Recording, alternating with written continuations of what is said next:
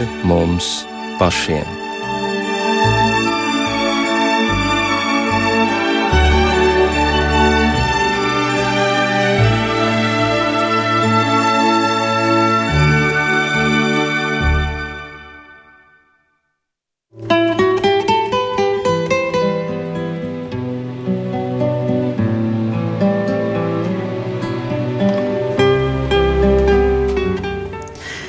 Esiet sveicināti raidījumā pāri mums pašiem, lai top slavēts Jēzus Kristus. Studijā Inte Zēgnere par skanējumu rūpējas Iveta Zvēniece. Mēs satiekamies pūpolu jeb palmu svētdienā, un pavisam drīz jau risināsies klusās nedēļas notikumi, un tāpēc šovakar nolēmām pakavēties pie šo notikumu vēsturiskā konteksta. Šovakar studijā mūsu viesis ir Latvijas Universitātes humanitāro zinātņu fakultātes profesors, Bībeles teoloģijas doktors, priesteris Jānis Priede. Labvakar! Labvakar! Un šovakar kopā ar jums mums ir iespēja aplūkot šos zināmos notikumus un paraudzīties uz tiem no tāda vēsturiskā konteksta par to, kā Jēzus dodas uz Jeruzālemi, kā tauta viņam uzgavilē. Un palūkoties no nedaudz cita skatu punkta, un tāpēc mēs sāksim šo ceļojumu ar Betfagu. Ja kurš šodien bija dievnamā, tad noteikti arī atceras, ka šī vieta ir minēta svēto rakstu lasījumā, kas tika šodien lasīti. Un tur ir sacīts, ka Jēzus ar saviem pavadoņiem tuvojās Jeruzālēmei un nonāca Betfagā pie Eļas kalna Tad viņš sūtīja divus mācekļus un sacīja: Ejiet uz ciematu, kas ir pretī, jūs atradīsiet piesietu ēzeļmāti un kumeļu pie tās. Atraisiet, atvediet pie manis, un ja kāds jums ko vajadzās, sakiet, tas ir vajadzīgs tam kungam. Nu, lūk, tā tad Betfaga. Ko mēs zinām par Betfagu? Kā tā izskatās šodien, un kāpēc viņš tieši uz Betfagu devās? Tam ir kāda simboliska nozīme, kaut kāda dziļāka jēga varbūt sākt ar to, no kurienes tad Jēzus nāk. Viņš nāk no Betānijas, no savu draugu mājas, kur dzīvoja Marta, Marija un viņu brālis Lācars. Un tur bija noticis ārkārtīgi negaidīts, tik liels brīnums, ka varētu teikt, eh, visa pilsēta par to bija pārsteigta, un ļoti daudz sāka ticēt Jēzum. Vienkārši tādēļ, ka nu, kur tas ir redzēts, ka trīs dienas pirms trim dienām miris cilvēks, tagad pēkšņi eh, tiek atdzīvināts, iznāk ārā no kapa, eh, proti Lācars. Un tātad no šīm mājām eh, Jēzus dodas uz tālāk jau uz Jeruzalemi. Bet šis notikums izraisīja pretreakciju. Ne tikai daudz sāka ticēt Jēzum, bet eh, daudzi arī sāka uztraukties par to, un kā mēs lasām, eh, bija tāda ļaužu grupa farizēji, kas sarunājās savā starpā, nu, tieši pēc šī notikuma par Lāzaru, sakot, redzi, mēs nekā viņam nepadarīsim, visa pasaule viņam seko. Un tad vēl nāk tas nākamais moments, kad tūliņ pēc tam ierodās pagāni, grīķi. Un viņi iet pie mm, Andreja un pie citiem, pie Filipa no sākuma, nu, pie, pie, pie apustuļiem ar jautājumu: Mēs gribam Jēzu redzēt.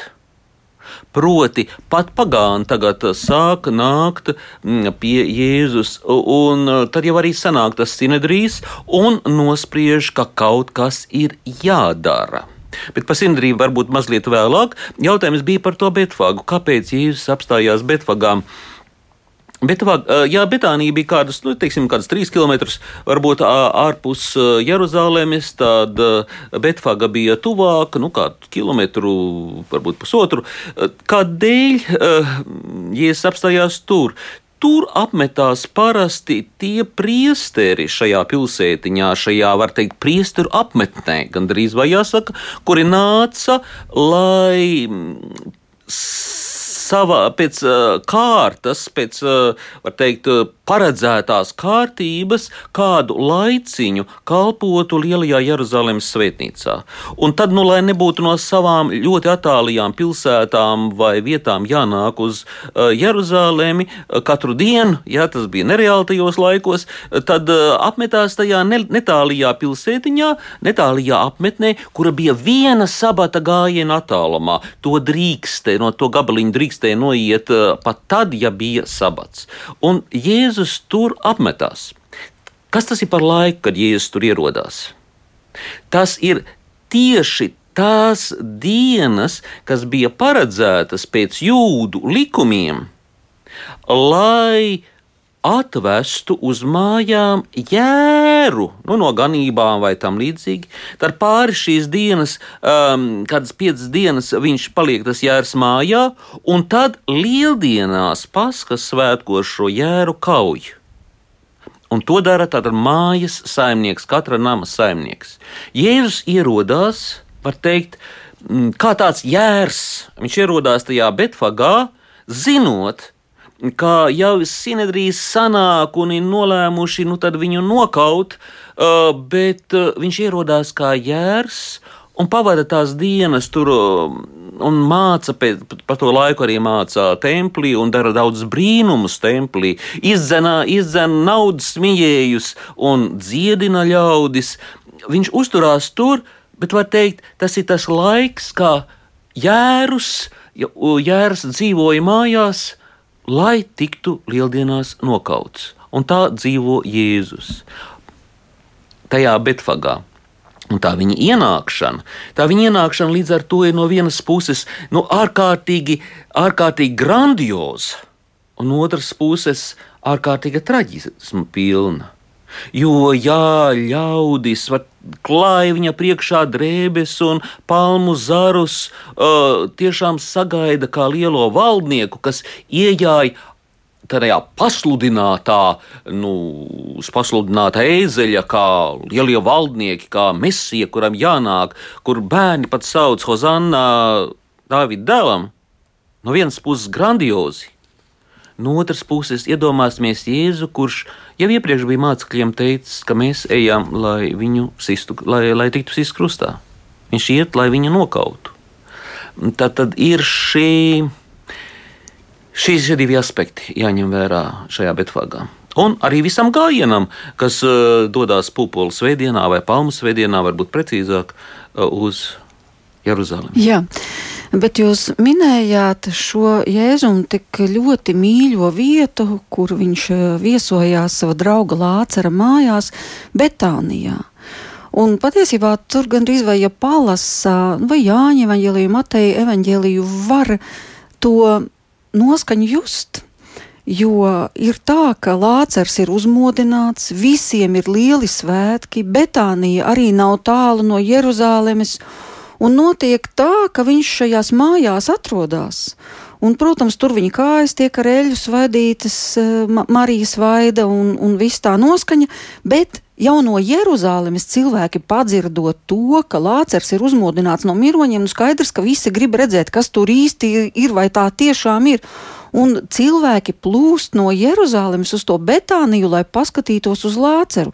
Un jo vairāk šī kustība tur risinās, jo lielāki kreņķi ir farizējiem un augstajam priesterim, un, un tad, kas mani ļoti pārsteidza, ka viņi ir nolēmuši, ka tur nav variantu. Tiešām var sākties lieli nemieri, Roma apspiedīs vispār ebrejus, pavisam tur būs traki, tur nav variantu, ir jānokauj viņi abi divi. Gan tas lācers, kuru Jēzus ir augšām cēlis, gan arī pats Jēzus. Un tajā brīdī e, tieši Kajafa, šis augstais priesteris, saka, ka jūs neko nesaprotat, daudz labāk, ka viens cilvēks mirsta nekā vesela tauta aiziet bojā. Kā to komentēt? Jā, es teiktu, ka tādas sacelšanās un revolūcijas notika diezgan bieži. Atcerieties, piemēram, ka Jēzum līdzās sit nu, divus laupītājus, varētu teikt, mūsdienās teiktu teroristus. Jā, Baraba bija terorists, dzelots. Un Ko nozīmē šis dzelots? Dedzīgais. Mm. Ja? Tajā ziņā, kas iesveļās dusmās un tagad cīnīsies par um, neatkarību un tam līdzīgi, bet uh, viņš bija nogalinājis, uh, kā jau teroristiem gadās, uh, kādu nogalinājis un atradās tajā brīdī cietumā un viņš tiks pēc tam sists uh, krustā. Jēzum līdzās. Taču mēs redzam arī šo attieksmi, tad, kad Pilārs piedāvās atbrīvot vienu no vienu teroristu un Jēzu, par kuru bija pilnīgi skaidrs, ka Romai no Jēzus piekritējiem nekāda sacelšanās nedraud. Un arī tiem pašiem sinedrija farizējiem un visiem bija skaidrs, ka Jēzus taču neaicina nemaksāt nodokļus Romai. Jā, viņi mēģināja pierādīt, ka, nu, redz, Jēzus tāds, eh, kas aicina nemaksāt nodokļus. Jēzus saka, nu, eh, kas jums uz tās naudas vienā pusē, kas ir otrā. Ja vienā pusē ir eh, imperators, nu, tad dodat imperatoram to, kas viņam pienākās, un dievam to, kas viņam pienākās. Tad, tad tiem pašiem farizējām bija skaidrs, ka Jēzus nemusinās tautu sacelšanos. Protams, tauta gaidīja lielo mesiju Mm, jā, tautai bija politiskas, kā tagad teikt, ekspektācijas, ka Jēzus tiešām varbūt viņus atbrīvos, taču nekāds dumpis nedraudēja. Pharizēji drīzāk uztraucās par Nu, par dažādām problēmām, ko Jēzus tur radījis, tā skaitā biznesiņu, varbūt tās mazliet iznīcinājis tiem, kas tur naudu mīja un mainīja un tirgojās uh, templī ar um, vēršiem, āžiem, uh, baložiem un tam līdzīgi. Bet jāsaka tā, aizbrauciet uz jebkuru svētceļojumu vietu, uh, tagad mūsu laikos tur arī būs pilns ar tirdziņiem un katrs mēģina kaut ko nopelnīt. Par laimi tas nenotiek baznīcas iekšienē, nu, tajā laikā gan. Jā, bet ja mēs vēl atgriežamies eh, pie šīs situācijas, par ko runājām, kā Lācara mājas, Betānija un tās valodas jau par to, ka Jēzus ir augšām cēlis Lācaru un ka viņš gatavojas iet uz Jeruzālemi, būtībā tās valodas jau gāja viņam pa priekšu, jo tie jūdi viņi cirkulēja Betānija, Jeruzālemi, Jeruzālemi, Betānija, Lācara mājas, akali Jeruzālemi. Un līdz ar to, tad, kad Jēzus devās uz Jeruzalemi, jau viņa slava viņam gāja pa priekšu, un cilvēki devās viņam pretī, lai viņu nu, tādā veidā svinīgi sagaidītu. Bet Betfaga, es izlasīju, ka Betfaga tulkojumā nozīmē e, negatīvu vīģu māja. Un ļoti interesanti, ka Mateja evaņģēlijā pēc tam uh, dažus pantus vēlāk ir šis apraksts, ka viņš ir aizgājis uz Jeruzalemi. Tur notiek tas, par ko jūs teicāt, ka tur viņam ir strīds ar saduķējiem, farizējiem, un, un tad viņš, vien, viņš ir tur Jeruzalemē, pēc tam viņš atkal dodas uz Betāniju, lai paliktu tur pa nakti. Bet pa ceļam viņš ierauga vīģes koku, ierauga, ka ja tajā vīģes kokā nav neviena augļa, un viņš saka, lai tad arī nekad uz šī koka neviens auglis nebūtu, un tas koks momentāli nokalst. Tur ir tāda epizode, un es domāju, nezinu, vai tā ir saistīta ar šīs betfagas vārdu, jo Bībelē jau nekas nav nejauši. Nu jā, momentā varbūt tas taisnība nebija, tas bija atpakaļceļā. Visi redzēja, ka koks ir nokaltis, bet uh, jāņem vērā arī tas, ka nebija vīģu ievākšanas laiks. Jā, bet tā Betfaka bija vieta, kur viņas visātrāk nogatavojās. Bet vienalga nebija vēl vīģu mm laiks. Un tas bija vienkārši simbols tam, absolūts simbols tam, par ko Jēzus runāja arī templī, līdzība par, arī par viena koka dārzniekiem un tam līdzīgi, ka saimnieks Viena kokā, viena dārza saimnieks gaida augļus no sava dārza, bet ko ir paredzējuši tie ielu, tie algāģi, tie strādnieki, strādnieki, nu, vienotru, kas ir nāca prasīt, var teikt, samaksu par, par, par viņiem iznomāto dārzu. Vienu otru viņa nogalina, otru no, vēl nomātā ar akmeņiem, un tagad, kad nāks saimnieka dēls, Jēzus saka, ko ir izdomājuši uh, tie vīna dārza nu, apsaimniekotāji, nogalināsim to saimnieka dēlu, un tad tas kalns būs mūsu, un tad mēs darīsim ar viņu, ko gribam. Proti, Jēzus ar to parāda, nav augļu no jums, vispār nav augļu, jo ko tas saimnieks darīs? Viņš nāks, izmetīs jūs ārā un atdos savu vīna kalnu kādam citam, kas nes augļus.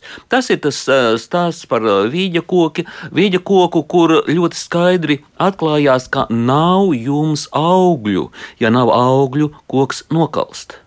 Ja nav augļu, saimniekam, proti, priekš kam bija templis. Templis bija tādēļ, lai būtu garīgs labums ne tikai ebreju tautai, bet garīgs labums visai pasaulē no šīs viendievības, eh, kura Jeruzalem bija centrs. Ja nav no jums labuma, un ja vēl jūs esat paredzējuši ne tikai praviešus, kas bija pirms Jēzus nogalināt, bet arī pat Dieva dēlu, nogalināt, nu tad, nu tad kāds turpinājums var būt šim templim? Jēzus pats saka, nu nojauciet šo templi. Un trešajā dienā es to augšām celšu, to es uzcelšu no jauna. Un viņš runāja nevairs par to akmens templi, viņš runāja par savu, savu miesas templi, ko viņš trešajā dienā piecels, augšām cels. Jā, nu, protams, te ir vairākas darbojošās personas. Ir gan augstais priesteris Kajefa, gan arī Annas tur parādās, kas acīm redzot lielā mērā diriģē šo augsto priesteri. Tā var saprast pēc atsevišķām liecībām. Protams, tur ir Poncijas Pilāts un Baraba, un arī par visiem viņiem mēs nedaudz vairāk parunāsim. Tātad Jēzus triumfāli ieiet Jeruzalemē, kā mēs zinām, viņš dodas uz templi, kur viņš izdzen šos naudas mījējus. Viņam ir arī asas sarunas ar saduķējiem un farizējiem. Viņš arī dziedina slimos un galu galā lēnām tuvojas šie paskā svētki. Un jūs jau sacījāt par to augsto priesteri, jo, jā, jo tad tika sasaukta augstās tiesas sēde. Un tie augstie priesteri tagad uh, sāka domāt, ko mēs darīsim, jo, jo Jēzus tik daudz zīmes dara, ka tas jau kļūst bīstami. Ja mēs viņu palaidīsim, tad visi sāks viņam ticēt, un tad romieši nāks un atņems mums zemi un tautu. Tas ir no Jāņa evaņģēlī, viņ, viņ, tā, tā, tās tādas viņa pārdomas. Un tad starp viņiem ir šī persona, Kajafa, kurš ir augstais priesteris, kurš saka, jūs neko nesaprotat un neapsverat, kas mums labāk. Labāk, ka viens cilvēks mirst, ja to prasa tautas labums, nekā ka visa tauta iet bojā. Būtībā tad sanāk, ka viņš ir liekulis. Nu, viņš, ne, viņš pravieto. Viņš jā, pravieto. Viņš pravieto, lai gan uh, viņš runā savās interesēs. Šajā gadījumā labāk, ka viens cilvēks nu, tad, uh, iet bojā nevis visa tauta no vienas puses, un ja viņš neies bojā, tad atnāks pagāni, varētu teikt, nu, tie romieši varētu teikt, pagāni un atņems mums varu mums, augstiem priesteriem, fariziem, saduķiem, arī tas ir zināmā mērā pravietojums, jo kas tad notiek ar Jēzus nāvi? Kas notiek ar to, ka ierodas grieķi un saka, mēs gribam Jēzu redzēt? Tie ir tie pagāni. Tie ir tie grieķi, tie romieši, kuri grib redzēt Jēzu un kuri kļūst par tautu tagad kļūst par Jēzus tautu, un saduķējiem vairāk tā tauta īsti nepieder, un farizējiem arī nepārāk pieder. Kādu brītiņu nu, tas vēl turpinās, bet 70. gadā pēc Kristus templis vispār tiek iznīcināts, un tādi augstie priesteri vairāk pat nav vajadzīgi, jo arī tempļa nav. Tātad, respektīvi, zināmā mērā tas, ka atnāks pagāni, piepildījās ar Jēzus nāvi. Pagāni atnāca, viņi kļuva par Jēzus sekotājiem. Ja, nevis, tā, nevis politiskās, eh, nevis politiskie cīniņi, bet, bet īstenībā pravietojums piepildījās. Un Sanhedrīns, jā, kas tas, ir Sanhedrīns? Tieši tā, tā, tā padome, kur sanāca kopā gan farizēji, gan, gan, gan citas novirzienas, tur bija saduķi un tam līdzīgi. Padomas jau ir ļoti noderīgas. Ar to var ideālākajā veidā nobīdīt atbildību. Nu, neviens nav vainīgs, visi kopēji pieņēmām tādu lēmumu. Tas nav mūsdienu izgudrojums, ļoti sens izgudrojums, kolektīva atbildība, nu, kolektīvā atbildība, ko uzņemās Sankedrīns par to, ka Jēzu vajag nogalināt. Jā, bet uh, Kajafa, ko mēs par viņu zinām? Tā tad augstais priesteris, 18 gadus viņš ir šajā amatā. Nu, jā, viņam rados rados arī Anna, uh, Hanna, kas arī bija pirms viņa uh, bijis augstais priesteris, bet tagad jau bija nu, vecs, un viņa vietā ir Kajafa. Uh, Kajafa zinām to, kāda vēsturiska persona tāds ir bijis, un principā pat Jeruzalemes muzejā man šķiet, es redzēju arī viņa nu, tādus kā sarkofāgu, kas ir, ir tikai atrasts ar, ar Kajafas vārdu. Tas, tas ir vēsturisks personas, par kurām nav zināms pārāk daudz, bet, bet, bet tāpat kā par Ponciju Pilātu un citiem, jā, viņi tajā laikā bija. Ir tāds interesants fakts, ka 1990. gadā, novembrī, būvējot akvaparku Jeruzalemē, tur netālu tajā vietā, ko sauc par miera mežu, e, racēji negaidīti ir atraduši tā kā mākslīgu alu, kas ir izrādījusies apbedījuma vieta, un tur ir atrasts e, lūk šis šķirsts vai sarkofāks, e, un tur seši gan bērni, gan arī pieaugušie iekšā, un tur bija arī rakstīts um, e, Jāzeps Kajafas dēls. Tā kā tāds atradums ir bijis arī pavisam nesen, vēl 1999. gadā. Bet jūs minējāt to Sanhedrīnu. Bija mazais Sanhedrīns un bija lielais Sanhedrīns. Mazajā 23 cilvēki varēja spriest par lietām, bet lielajā Sanhedrīnā, kad vajadzēja pieņemt ļoti nopietnus lēmumus, tad bija vajadzīgs 71 dalībnieks. Piemēram, lai notiesātu uz nāvi, tad es saprotu, bija vajadzīgs diezgan liels šo cilvēku skaits, šo viedo, gudro padomes locekļu skaits, lai, piemēram, tādu lēmumu pieņemtu. Bet mēs jau redzam ļoti labu aprakstu evaņģēlijos, kā norisinās šī Sanhedrīnas sanāksme un kā notiek Jēzus iztaujāšana, eh, kura beidzās ar to, ka liecinieki ir, eh, var teikt, sapinās savos vārdos, viltus liecinieki, viņiem pat Sankedrīns nevar uzticēties tie, kuri apzināti grib panākt Jēzus notiesāšanu. Nu, viņi redz, ka liecības neder. Tad uh, augstais priesteris uh, pajautā Jēzum, pats uh, saki, vai tu esi Dieva dēls un kaut ko tam līdzīgu, un pēc tam atbildi ir, nu, uz, uz Jēzus vārdiem, Viņš saka, kam mums vēl kādu liecību? Jūs paši dzirdējāt, ka viņš zaimo dievu, un tā kā pierādījumu, var teikt, savam sašutumam plēš drēbes, un tagad tiesāsim. Īstenībā tas lielā mērā bija. Nu jā, atsevišķu cilvēku lēmums, un domāju, ka tie, kas sēž padomēs, mūsdienās dažādās padomēs, Mm, tie labi zina, ka lēmumus parasti pārunā daži cilvēki pirms sanāksmes sasaukšanas, un tad jau visi nobalso par. Nu, retos gadījumos arī ne. Tas ir no mūsdienām vienkārši salīdzinot. Tad šajā gadījumā, nu, šajā gadījumā mēs redzam, ka. E, lēmumu pieņemšanā pie, piedalās gan neliels cilvēku skaits, gan arī padome, protams, bet paskatāmies, piedalās vēl vairāk. Tajā brīdī, kad Pilārs piedāvā nu, at, amnestēt, attaisnot vienu kas būtu notiesājams vai nu Barābu vai Jēzu, kas tad ir tie, kas sauc sit viņu krustā? Jā, tie, protams, ir tie paši raksturmācītāji, var teikt, teologi, tie ir tie paši farizēji saduķi, bet tā ir tauta, tas ir pūlis. Tas ir tas pats pūlis.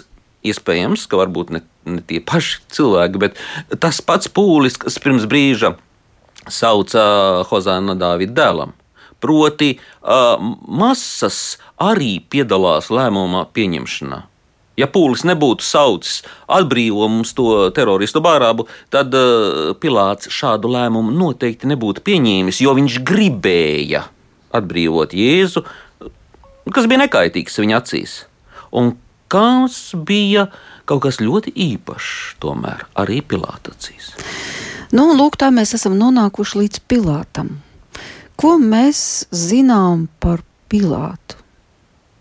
izņemot to nelielo epizodu par to, kā viņš ir mazgājis rokas nevainībā, it kā negribot um, Jēzus nāvi, un ka pie viņa ir nākusi viņa sieva un aicinājusi, lai Jēzu nenogalina, jo viņa ir daudz cietusi sapnī šī svētā dēļ.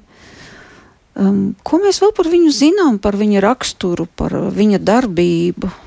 Katrā ziņā ļoti izcilas, grandiozas celtnes cēlis veselu pilsētu, pilsētu Cezariju jūras krastā, nu, ar milzīgiem konstrukcijas darbiem, būvprojektiem, attīstījis var teikt, romiešu iecelts pārvaldītājs, kas valdīja bargi, pat ļoti bargi, bet, kā jau Pilārs uzskatīja, nu, bardzība ir nepieciešama, lai būtu kārtība, un kārtību viņš tiešām centās ieviest lasīju nu, pavisam tādā elementārā izziņu avotā kā Wikipēdija. Man bija interesanti, nu, kas tur par Pilātu ir atrodams. Un tur bija par viņu diezgan skarbs apraksts. Nu, tas, ka viņš ir uh, miris pēc 37. gada, protams, ka tas, ka viņš ir bijis jūdejā prefekts, tieši tāpat kā mm, bija Hērots uh, Galilejā sadalīti tātad pa ietekmes teritorijām bija tā visa valdīšana un kā tas viņa uh, Poncijas, Pontijus varētu liecināt, ka viņš ir nācis no plebeju kārtas pat. Nu, labi, tie varbūt ir pieņēmumi, bet ka viņa valdīšanas laiku esot raksturojusi masveida vardarbība, arī nāves sodi, arī nodokļu un politiskā apspiešana. Nu, tur diezgan viņam ir nav bijušas labas attiecības ar jūdiem. Jā, protams. Kristīgs, teiksim, tāda kristīga lēnprātība nebija viņa stiprā puse, jādomā. no otras puses, mēs redzam, ka uh, arī Jūdijā notiek dažādas sacelšanās ne tikai Poncija Pilāta laikā, bet jau gadu desmitiem un pat simtiem ļoti raksturīgi ir šī zeme ar savām sacelšanos organizēšanu pret romiešiem, un pat ap 120. gadu pēc Kristus atkal būs viena Bar Kohbas sacelšanās. Var teikt, ka cīņa pret terorismu nu, prasīja pēc Poncija Pilāta domām um, daudzu arī nevainīgu cilvēku dzīvības. Ļoti raksturīgi, uh, raksturīgi ja mm, varai, kas uh, nerēķinās ar cilvēkiem no vienas puses, bet izpilda tos uzdevumus, ko imperators ir teicis viņam darīt. Jā, bet filozofs Filons no Aleksandrijas ir raksturojis viņu kā nežēlīgu un korumpētu autokrātu, vainīgu daudzās nāves sodu izpildēs bez tiesas, un arī ķēniņš Agripa pirmajā vēstulē imperatoram Kaligulai uzskatīja uh, Pilātu, ka viņš ir vainīgs pie daudziem noziegumiem, gan pie kukuļdošanas, gan vardarbības, gan ļaunprātības, gan laupīšanas un tā tālāk. Un īpaši tur figurē tieši tie nāves sodi. Bet savukārt, tomēr, tad, kad mēs lasām Bībeli, nu, Pilārs tāds neparādās. Pilārs parādās kā cilvēks, kurš labprāt atbrīvotu Jēzu. Pilnīgi citas rakstura īpašības tur var tā kā jaust.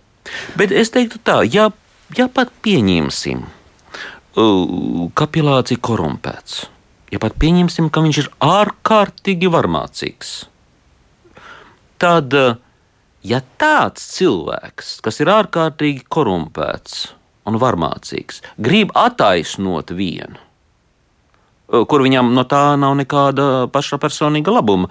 Neviens viņam nevienu kukulu nedod par to, ka viņš attaisnotu Jēzu. Bet, ja pat tāds varētu teikt, nu, mēs teiktu, ļauns cilvēks grib attaisnot kādu, tad acīm redzot, ir labs pamats bijis attaisnot Jēzu. Ja jau pat tāds pilāts to grib darīt. Uh, jā. Kas attiecas uz viņa tālāko dzīvi, tad eh, grūti ir izsakot, kas ar Pilātu ir noticis tālāk. Tāpēc, ka ir viens brīdis, kad viņš tomēr tiek atsaukts no valdīšanas tur, Jeruzalemē, Judejā. Viņš tiek aizsaukts uz Romu, un tur tas pavadienas tā kā apraujas. Bet tad ir tā saucamie apokrifi, kur tiek eh, runāts par to, ka iespējams, ka Pilārs tik ļoti ir nožēlojis to, ka viņš nav spējis Jēzu atbrīvot, ka viņš pats ir kļuvis par kristieti un galu galā miris mocekļu nāvē. Arī tādas versijas pat ir. Nu, protams, viņas nav nu, apakrifālas versijas, sacīsim tā. Nu, es teiktu tā, ka ja paskatāmies uz visiem tiem notikumu dalībniekiem, kas evanģīlijā ir pieminēti, gan Nikodīms, kas nāk pie Jēzus naktī, un tā tad acīm redzot, kļūst par kristieti, gan uh, romieši. Kaut vai tas pats centurions, kas stāv pie krusta un redz Jēzus nāvi, un visu to redzot, beigu beigās nāk pie atziņas un saka, patiesi, tas bija Dieva dēls. Mm, un tālāk skatāmies uz to pūli, kas sauca sit viņu krustā. Kas notiks pāris nedēļas pēc lieldienām, tad, kad Pēteris vasaras svētkos iznāks tūkstoši cilvēku priekšā, kas arī būs sapulcējušies Jeruzalemē no dažādām diasporas pusēm, viņus uzrunās vīri, brāļi, runās par Jēzu, un tie sitīs krūtīs un nožēlos ka viņi ir prasījuši Jēzus nāvi un lūgs, lai viņus nokristītu. Tad redzam ļaužu masas, kas kļūst par kristiešiem. Un atsevišķi cilvēks, kas kļūst par kristiešiem, gan no romiešu vidus, gan no, gan no Jeruzalemes iedzīvotāju vidus, gan no diasporas vidus, tad es nebrīnītos, kā beigu beigās arī Poncijas Pilārs tāds uh, līdzīgu likteni varēja piedzīvot un kļūt par kristieti. Evanģēlijas mums parāda divas iespējas, kā varētu teikt, uzvesties. Pēc tam, kad izdarīts kaut kas slikts, nu, Pilārs neizcēlās ar īpaši labu rīcību šajā gadījumā viņš, vis bija, viņš vismaz bija mēģinājis darīt kaut ko labu. Taču paskatīsimies divus ļoti konkrētus gadījumus. Viens ir Pēteris, un otrs ir Jūdas nodevējs. Bet kurš tad ir lielāks nodevējs? Jūdas par, jā, par sudraba naudu pārdod vai nodod Jēzu, un to pēc tam ļoti nožēlo. Viņš to nožēlo tik ļoti, nu, ka viņš iet un pakarās beigu beigās. Un paskatāmies uz citu. Pēters, tas, kurš bija teicis Jēzum, ka tu esi Dieva dēls. Tas, kurš bija teicis un solījis, ka nu, Viņu var nogalināt, bet viņš neatteiksies no savas pārliecības, ka Jēzus ir Dieva dēls un stāvēs un kritīs par Jēzu. Tas Pēteris, ka viņam nu, pajautā tur apkalpojošais personāls, tu tur gadījumā no Galilejas, vai tik tu neesi viens no tā, no tā galilejiešu mācekļiem? Pēteris trīs reizes tur pie ugunskura sildoties, saka, nē, nē, nē, es viņu nepazīstu, nekad neesmu dzirdējis, nepazīstu. Ne. Tā tad kurš, nu, varētu teikt, ir lielāks nodevējs, vai abi ir vienādi Jūdas un Pēteris, un paskatāmies uz rezultātu. Pēteris, tā kā Jēzus iet garām, un viņu uzlūko, Pēteris saprot un nožēlo, un iziet ārā un raud. Un, jā, un beigu beigās viņš kļūst par pāvestu. Un otrs, otrs arī nožēlo par to, nu, ka nevainīgas asinis, vainīgs pie nevainīgas asiņu izliešanas, bet viņa nožēla ir ļoti egoistiska. Viņa nožēla nav šī, var teikt, iekšējās piedošanas meklēšana, vēršanās pie dieva, tas ir ceļš uz destrukciju. Tas ir pašiznīcināšanās ceļš, un mēs to redzam pilā, tajā jūdas gadījumā. Līdz ar to par Ponciju Pilātu varam teikt, viņam bija abas iespējas atvērtas. Un kādēļ tā nepieņemt, ka var jau būt, ka koptu baznīcā ir taisnība un viņš kļūst par svēto? Nu, tādi apokrifi ir, apokrifi nav, nav, var teikt, tādā ārkārtīgi uzticama ziņa. Nu, tā ir ziņa, ko var ņemt vērā vai neņemt vērā. Mm, bet eh, jā, par Pilātu un viņa sievu, eh, kā par tādiem, kuri ir atgriezušies, runā ne tikai Kopta baznīca, bet arī Tertulians un eh, citi pirmo gadsimtu autori.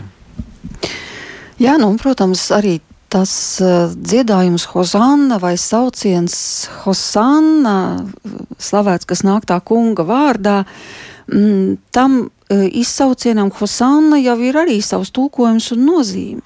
Nu, tas ir vairāk dievs glābi, dievs glāb, bet šis glābšanas moments jau zaudēja toreiz savu, nu, varētu teikt, palīgā saukšanas nozīmi. Proti, ja jau dievs sauc palīgā un ja saka dievam, lai viņš glābi un dievs glābi, tad jau, nu, tas ir pilnīgi skaidrs, ka dievs glābi. Un tad jau ir triumfs tad jau ir uzvara, kad Dievs ir izglābis, glābi, viņš patiešām glābi. Un tādēļ Hozāna mainīja to savu nu, lūgumu gandrīz vai pēc Dieva glābjošās palīdzības nozīmi par to, ka tas ir pateicības un gaviļu sauciens, ka mm. Dievs glābi. Un Hozanna tas ir, jā, tas ir triumfa un gavi, triumfa gavilis. Apmēram tas pats, kas mūsdienās uh, gaviļu sauciens Hozanna Dāvida dēlam ir ieradies Mēsija sauc visa Jeruzaleme. Nu, vismaz daļa no Jeruzalemes, jo daļa brīnījās. Un viņiem skaidroja, ka nu, pravietis ieradies no, jā, no Galilejas, liels pravietis. Tas pravietis, ko Mozus bija apsolījis, ka pēc viņa nāks lielāks pravietis nekā viņš. Jā, esmu dzirdējis arī versiju glāb mūsu tūlīt, ka tas Hosianna nozīmē glāb mūsu tūlīt. Droši vien arī. Jā, varētu... nu tas beigās ir kā partikula tiešām, bet nu glāb mūs, tas jau ietver to, ka Dievs izglābj un izglābs. Nu, un, protams, un ka, uzvara. Jā, un ka vēstures gaitā arī ļoti dažādi muzikāli tas ir ticis ietērts šīs Hosanna, gan, protams, mesās, gan rekviemos, gan dažādos dziedājumos, un tūlīt mēs arī dzirdēsim, kā skan gregoriskais Hosanna, un pēc tam arī uh, Sanktus no Gabriela Forē rekviema, kur, protams, arī izskan šis Hosanna kungs glābi.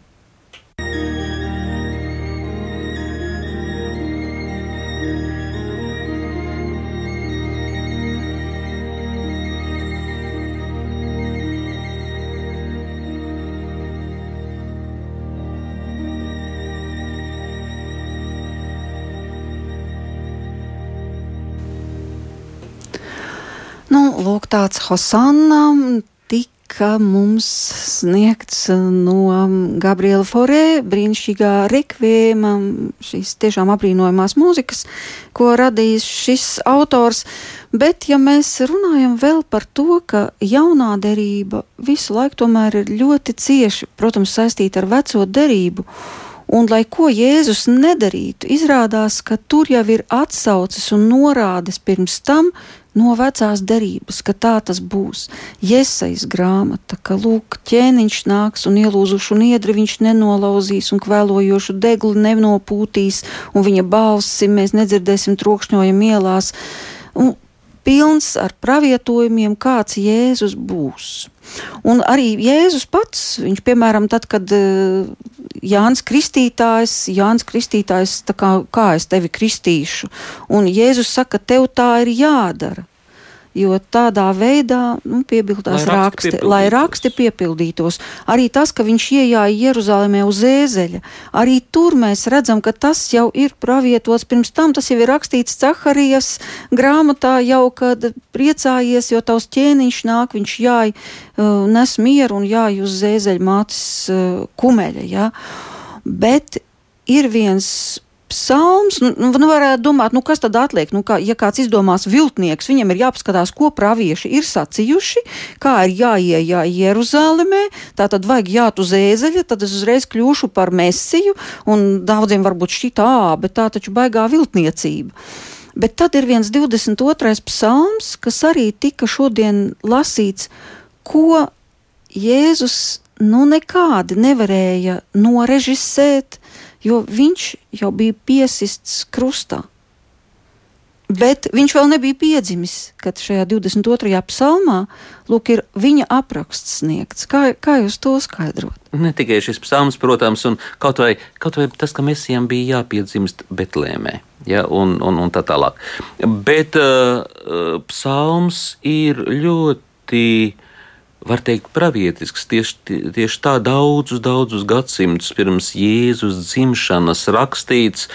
Nu, mani izsmēja visi, kas skatās uz mani, viebi lūpas, skrata galvu, sakot, viņš paļāvās uz kungu, lai tad kungs viņu izglābtu, lai viņu atpestīja mīl viņu, un tad ārkārtīgi tēlaini, man ielēns suņi lielā pul- pulkā, ļaundaru bars man ir visapkārt. Viņi ir pārdūruši manas rokas un kājas. Es varu izskaidīt visus savus kaulus. Savā starpā viņi sadala manas drēbes un met kauliņus par manu apģērbu.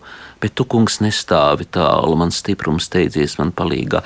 Proti, ir ļoti daudz šādas vietas, kas diezgan precīzi apraksta Jēzus ciešanas, arī jā, izsējas grāmatā, kalpa ciešanas, un mm, var teikt, nevar, nevar, nevarētu neviens izdzīvot šos pravietojumus, ja gribētu izdzīvot viņus, tie vienkārši piepildās Kristu. Un turklāt jāņem vērā, ka tā laika ļaudis to īsti nesaprata. To nesaprata pat tie mācekļi, kas trīs gadus staigāja kopā ar Jēzu. Un tikai pēc augšām celšanās, kad Jēzus ir kopā ar mācekļiem, viņš saka, vai tad tiešām jūs nesapratāt, nu, ka rakstiem bija jāizpildās, kas par mani bija rakstīts psalmos, kas par mani bija rakstīts mūzes grāmatās un praviešos, ka tas ir piepildījās. Tā tad, proti, jaunā derība jau tika sarakstīta vēlāk tikai tajā laikā, kad dzīvoja Jēzus, un, un kad Jēzus augšām celš, celās, un kad viņš runāja ar, ar saviem apstuļiem, teikdams, ka bija jāpiepildās tas, kas par mani teikts rakstos, viņš runā par veco darību. Tie pravietojumi piepildījās. Tas Jēzus bija gaidītais mesija, gaidītais pravietis, ko, par ko runāja Mūzus. Viņš bija Dieva dēls. Jā, un priekšā mums vēl ir klusā nedēļa, kad mēs varam šos notikumus apcerēt un gaidīt lieldienu rītu. Un varbūt jums ir kāds ieteikums, ko lasīt šajā laikā? Protams, evaņģēlijas, un varbūt tās tā Pilāta saruna ar Jēzu un Pilāta slēdziens. Pilāts izvada Jēzu un rāda ļaudīm, teikdami, lūk, cilvēks. Ja mēs katrā cilvēkā saskatīsim viņa cilvēciskumu, kā to izdarīja tas varmācīgais, ļaunais, korumpētais Pilāts, ja mēs būsim nu, vismaz kaut vai tādi paši, nu, tādi paši kā Pilāts, tad mēs saskatīsim Jēzus grandiozitāti, ja jau pat Pilāts saskatīja. Tādēļ es domāju, nekā labāka par evaņģēlījiem nav, par Jēzus runu, atvadu runu. Un vislabākais novēlējums būtu, protams, lieldienās klausīties evaņģēlīju baznīcā. Labi, jā, liels paldies par šo vēlējumu. Un, kā reiz teica arhibīskaps Vanaks, ja variet, tad ejiet uz baznīcu. Ja nevarat, tad drāpojiet, bet ja nevarat rāpot, tad vismaz nogulieties baznīcas virzienā. Es tiešām neatceros, kur viņš to ir sacījis, bet kaut kā tāda aizkustinoša pamācība. Paldies par šo piedalīšanos raidījumā. Es saku Latvijas Universitātes humanitāro zinātņu fakultātes profesoram, Bībeles teoloģijas doktoram, priesterim Jānim Priedem. Kopā ar jums šovakar bija Inte Zēgnere, par skanējumu rūpējās Īveta Zvēniece. Un lai jums visiem ir ļoti svētīga šī klusā nedēļa un, protams, lieldienu rīts.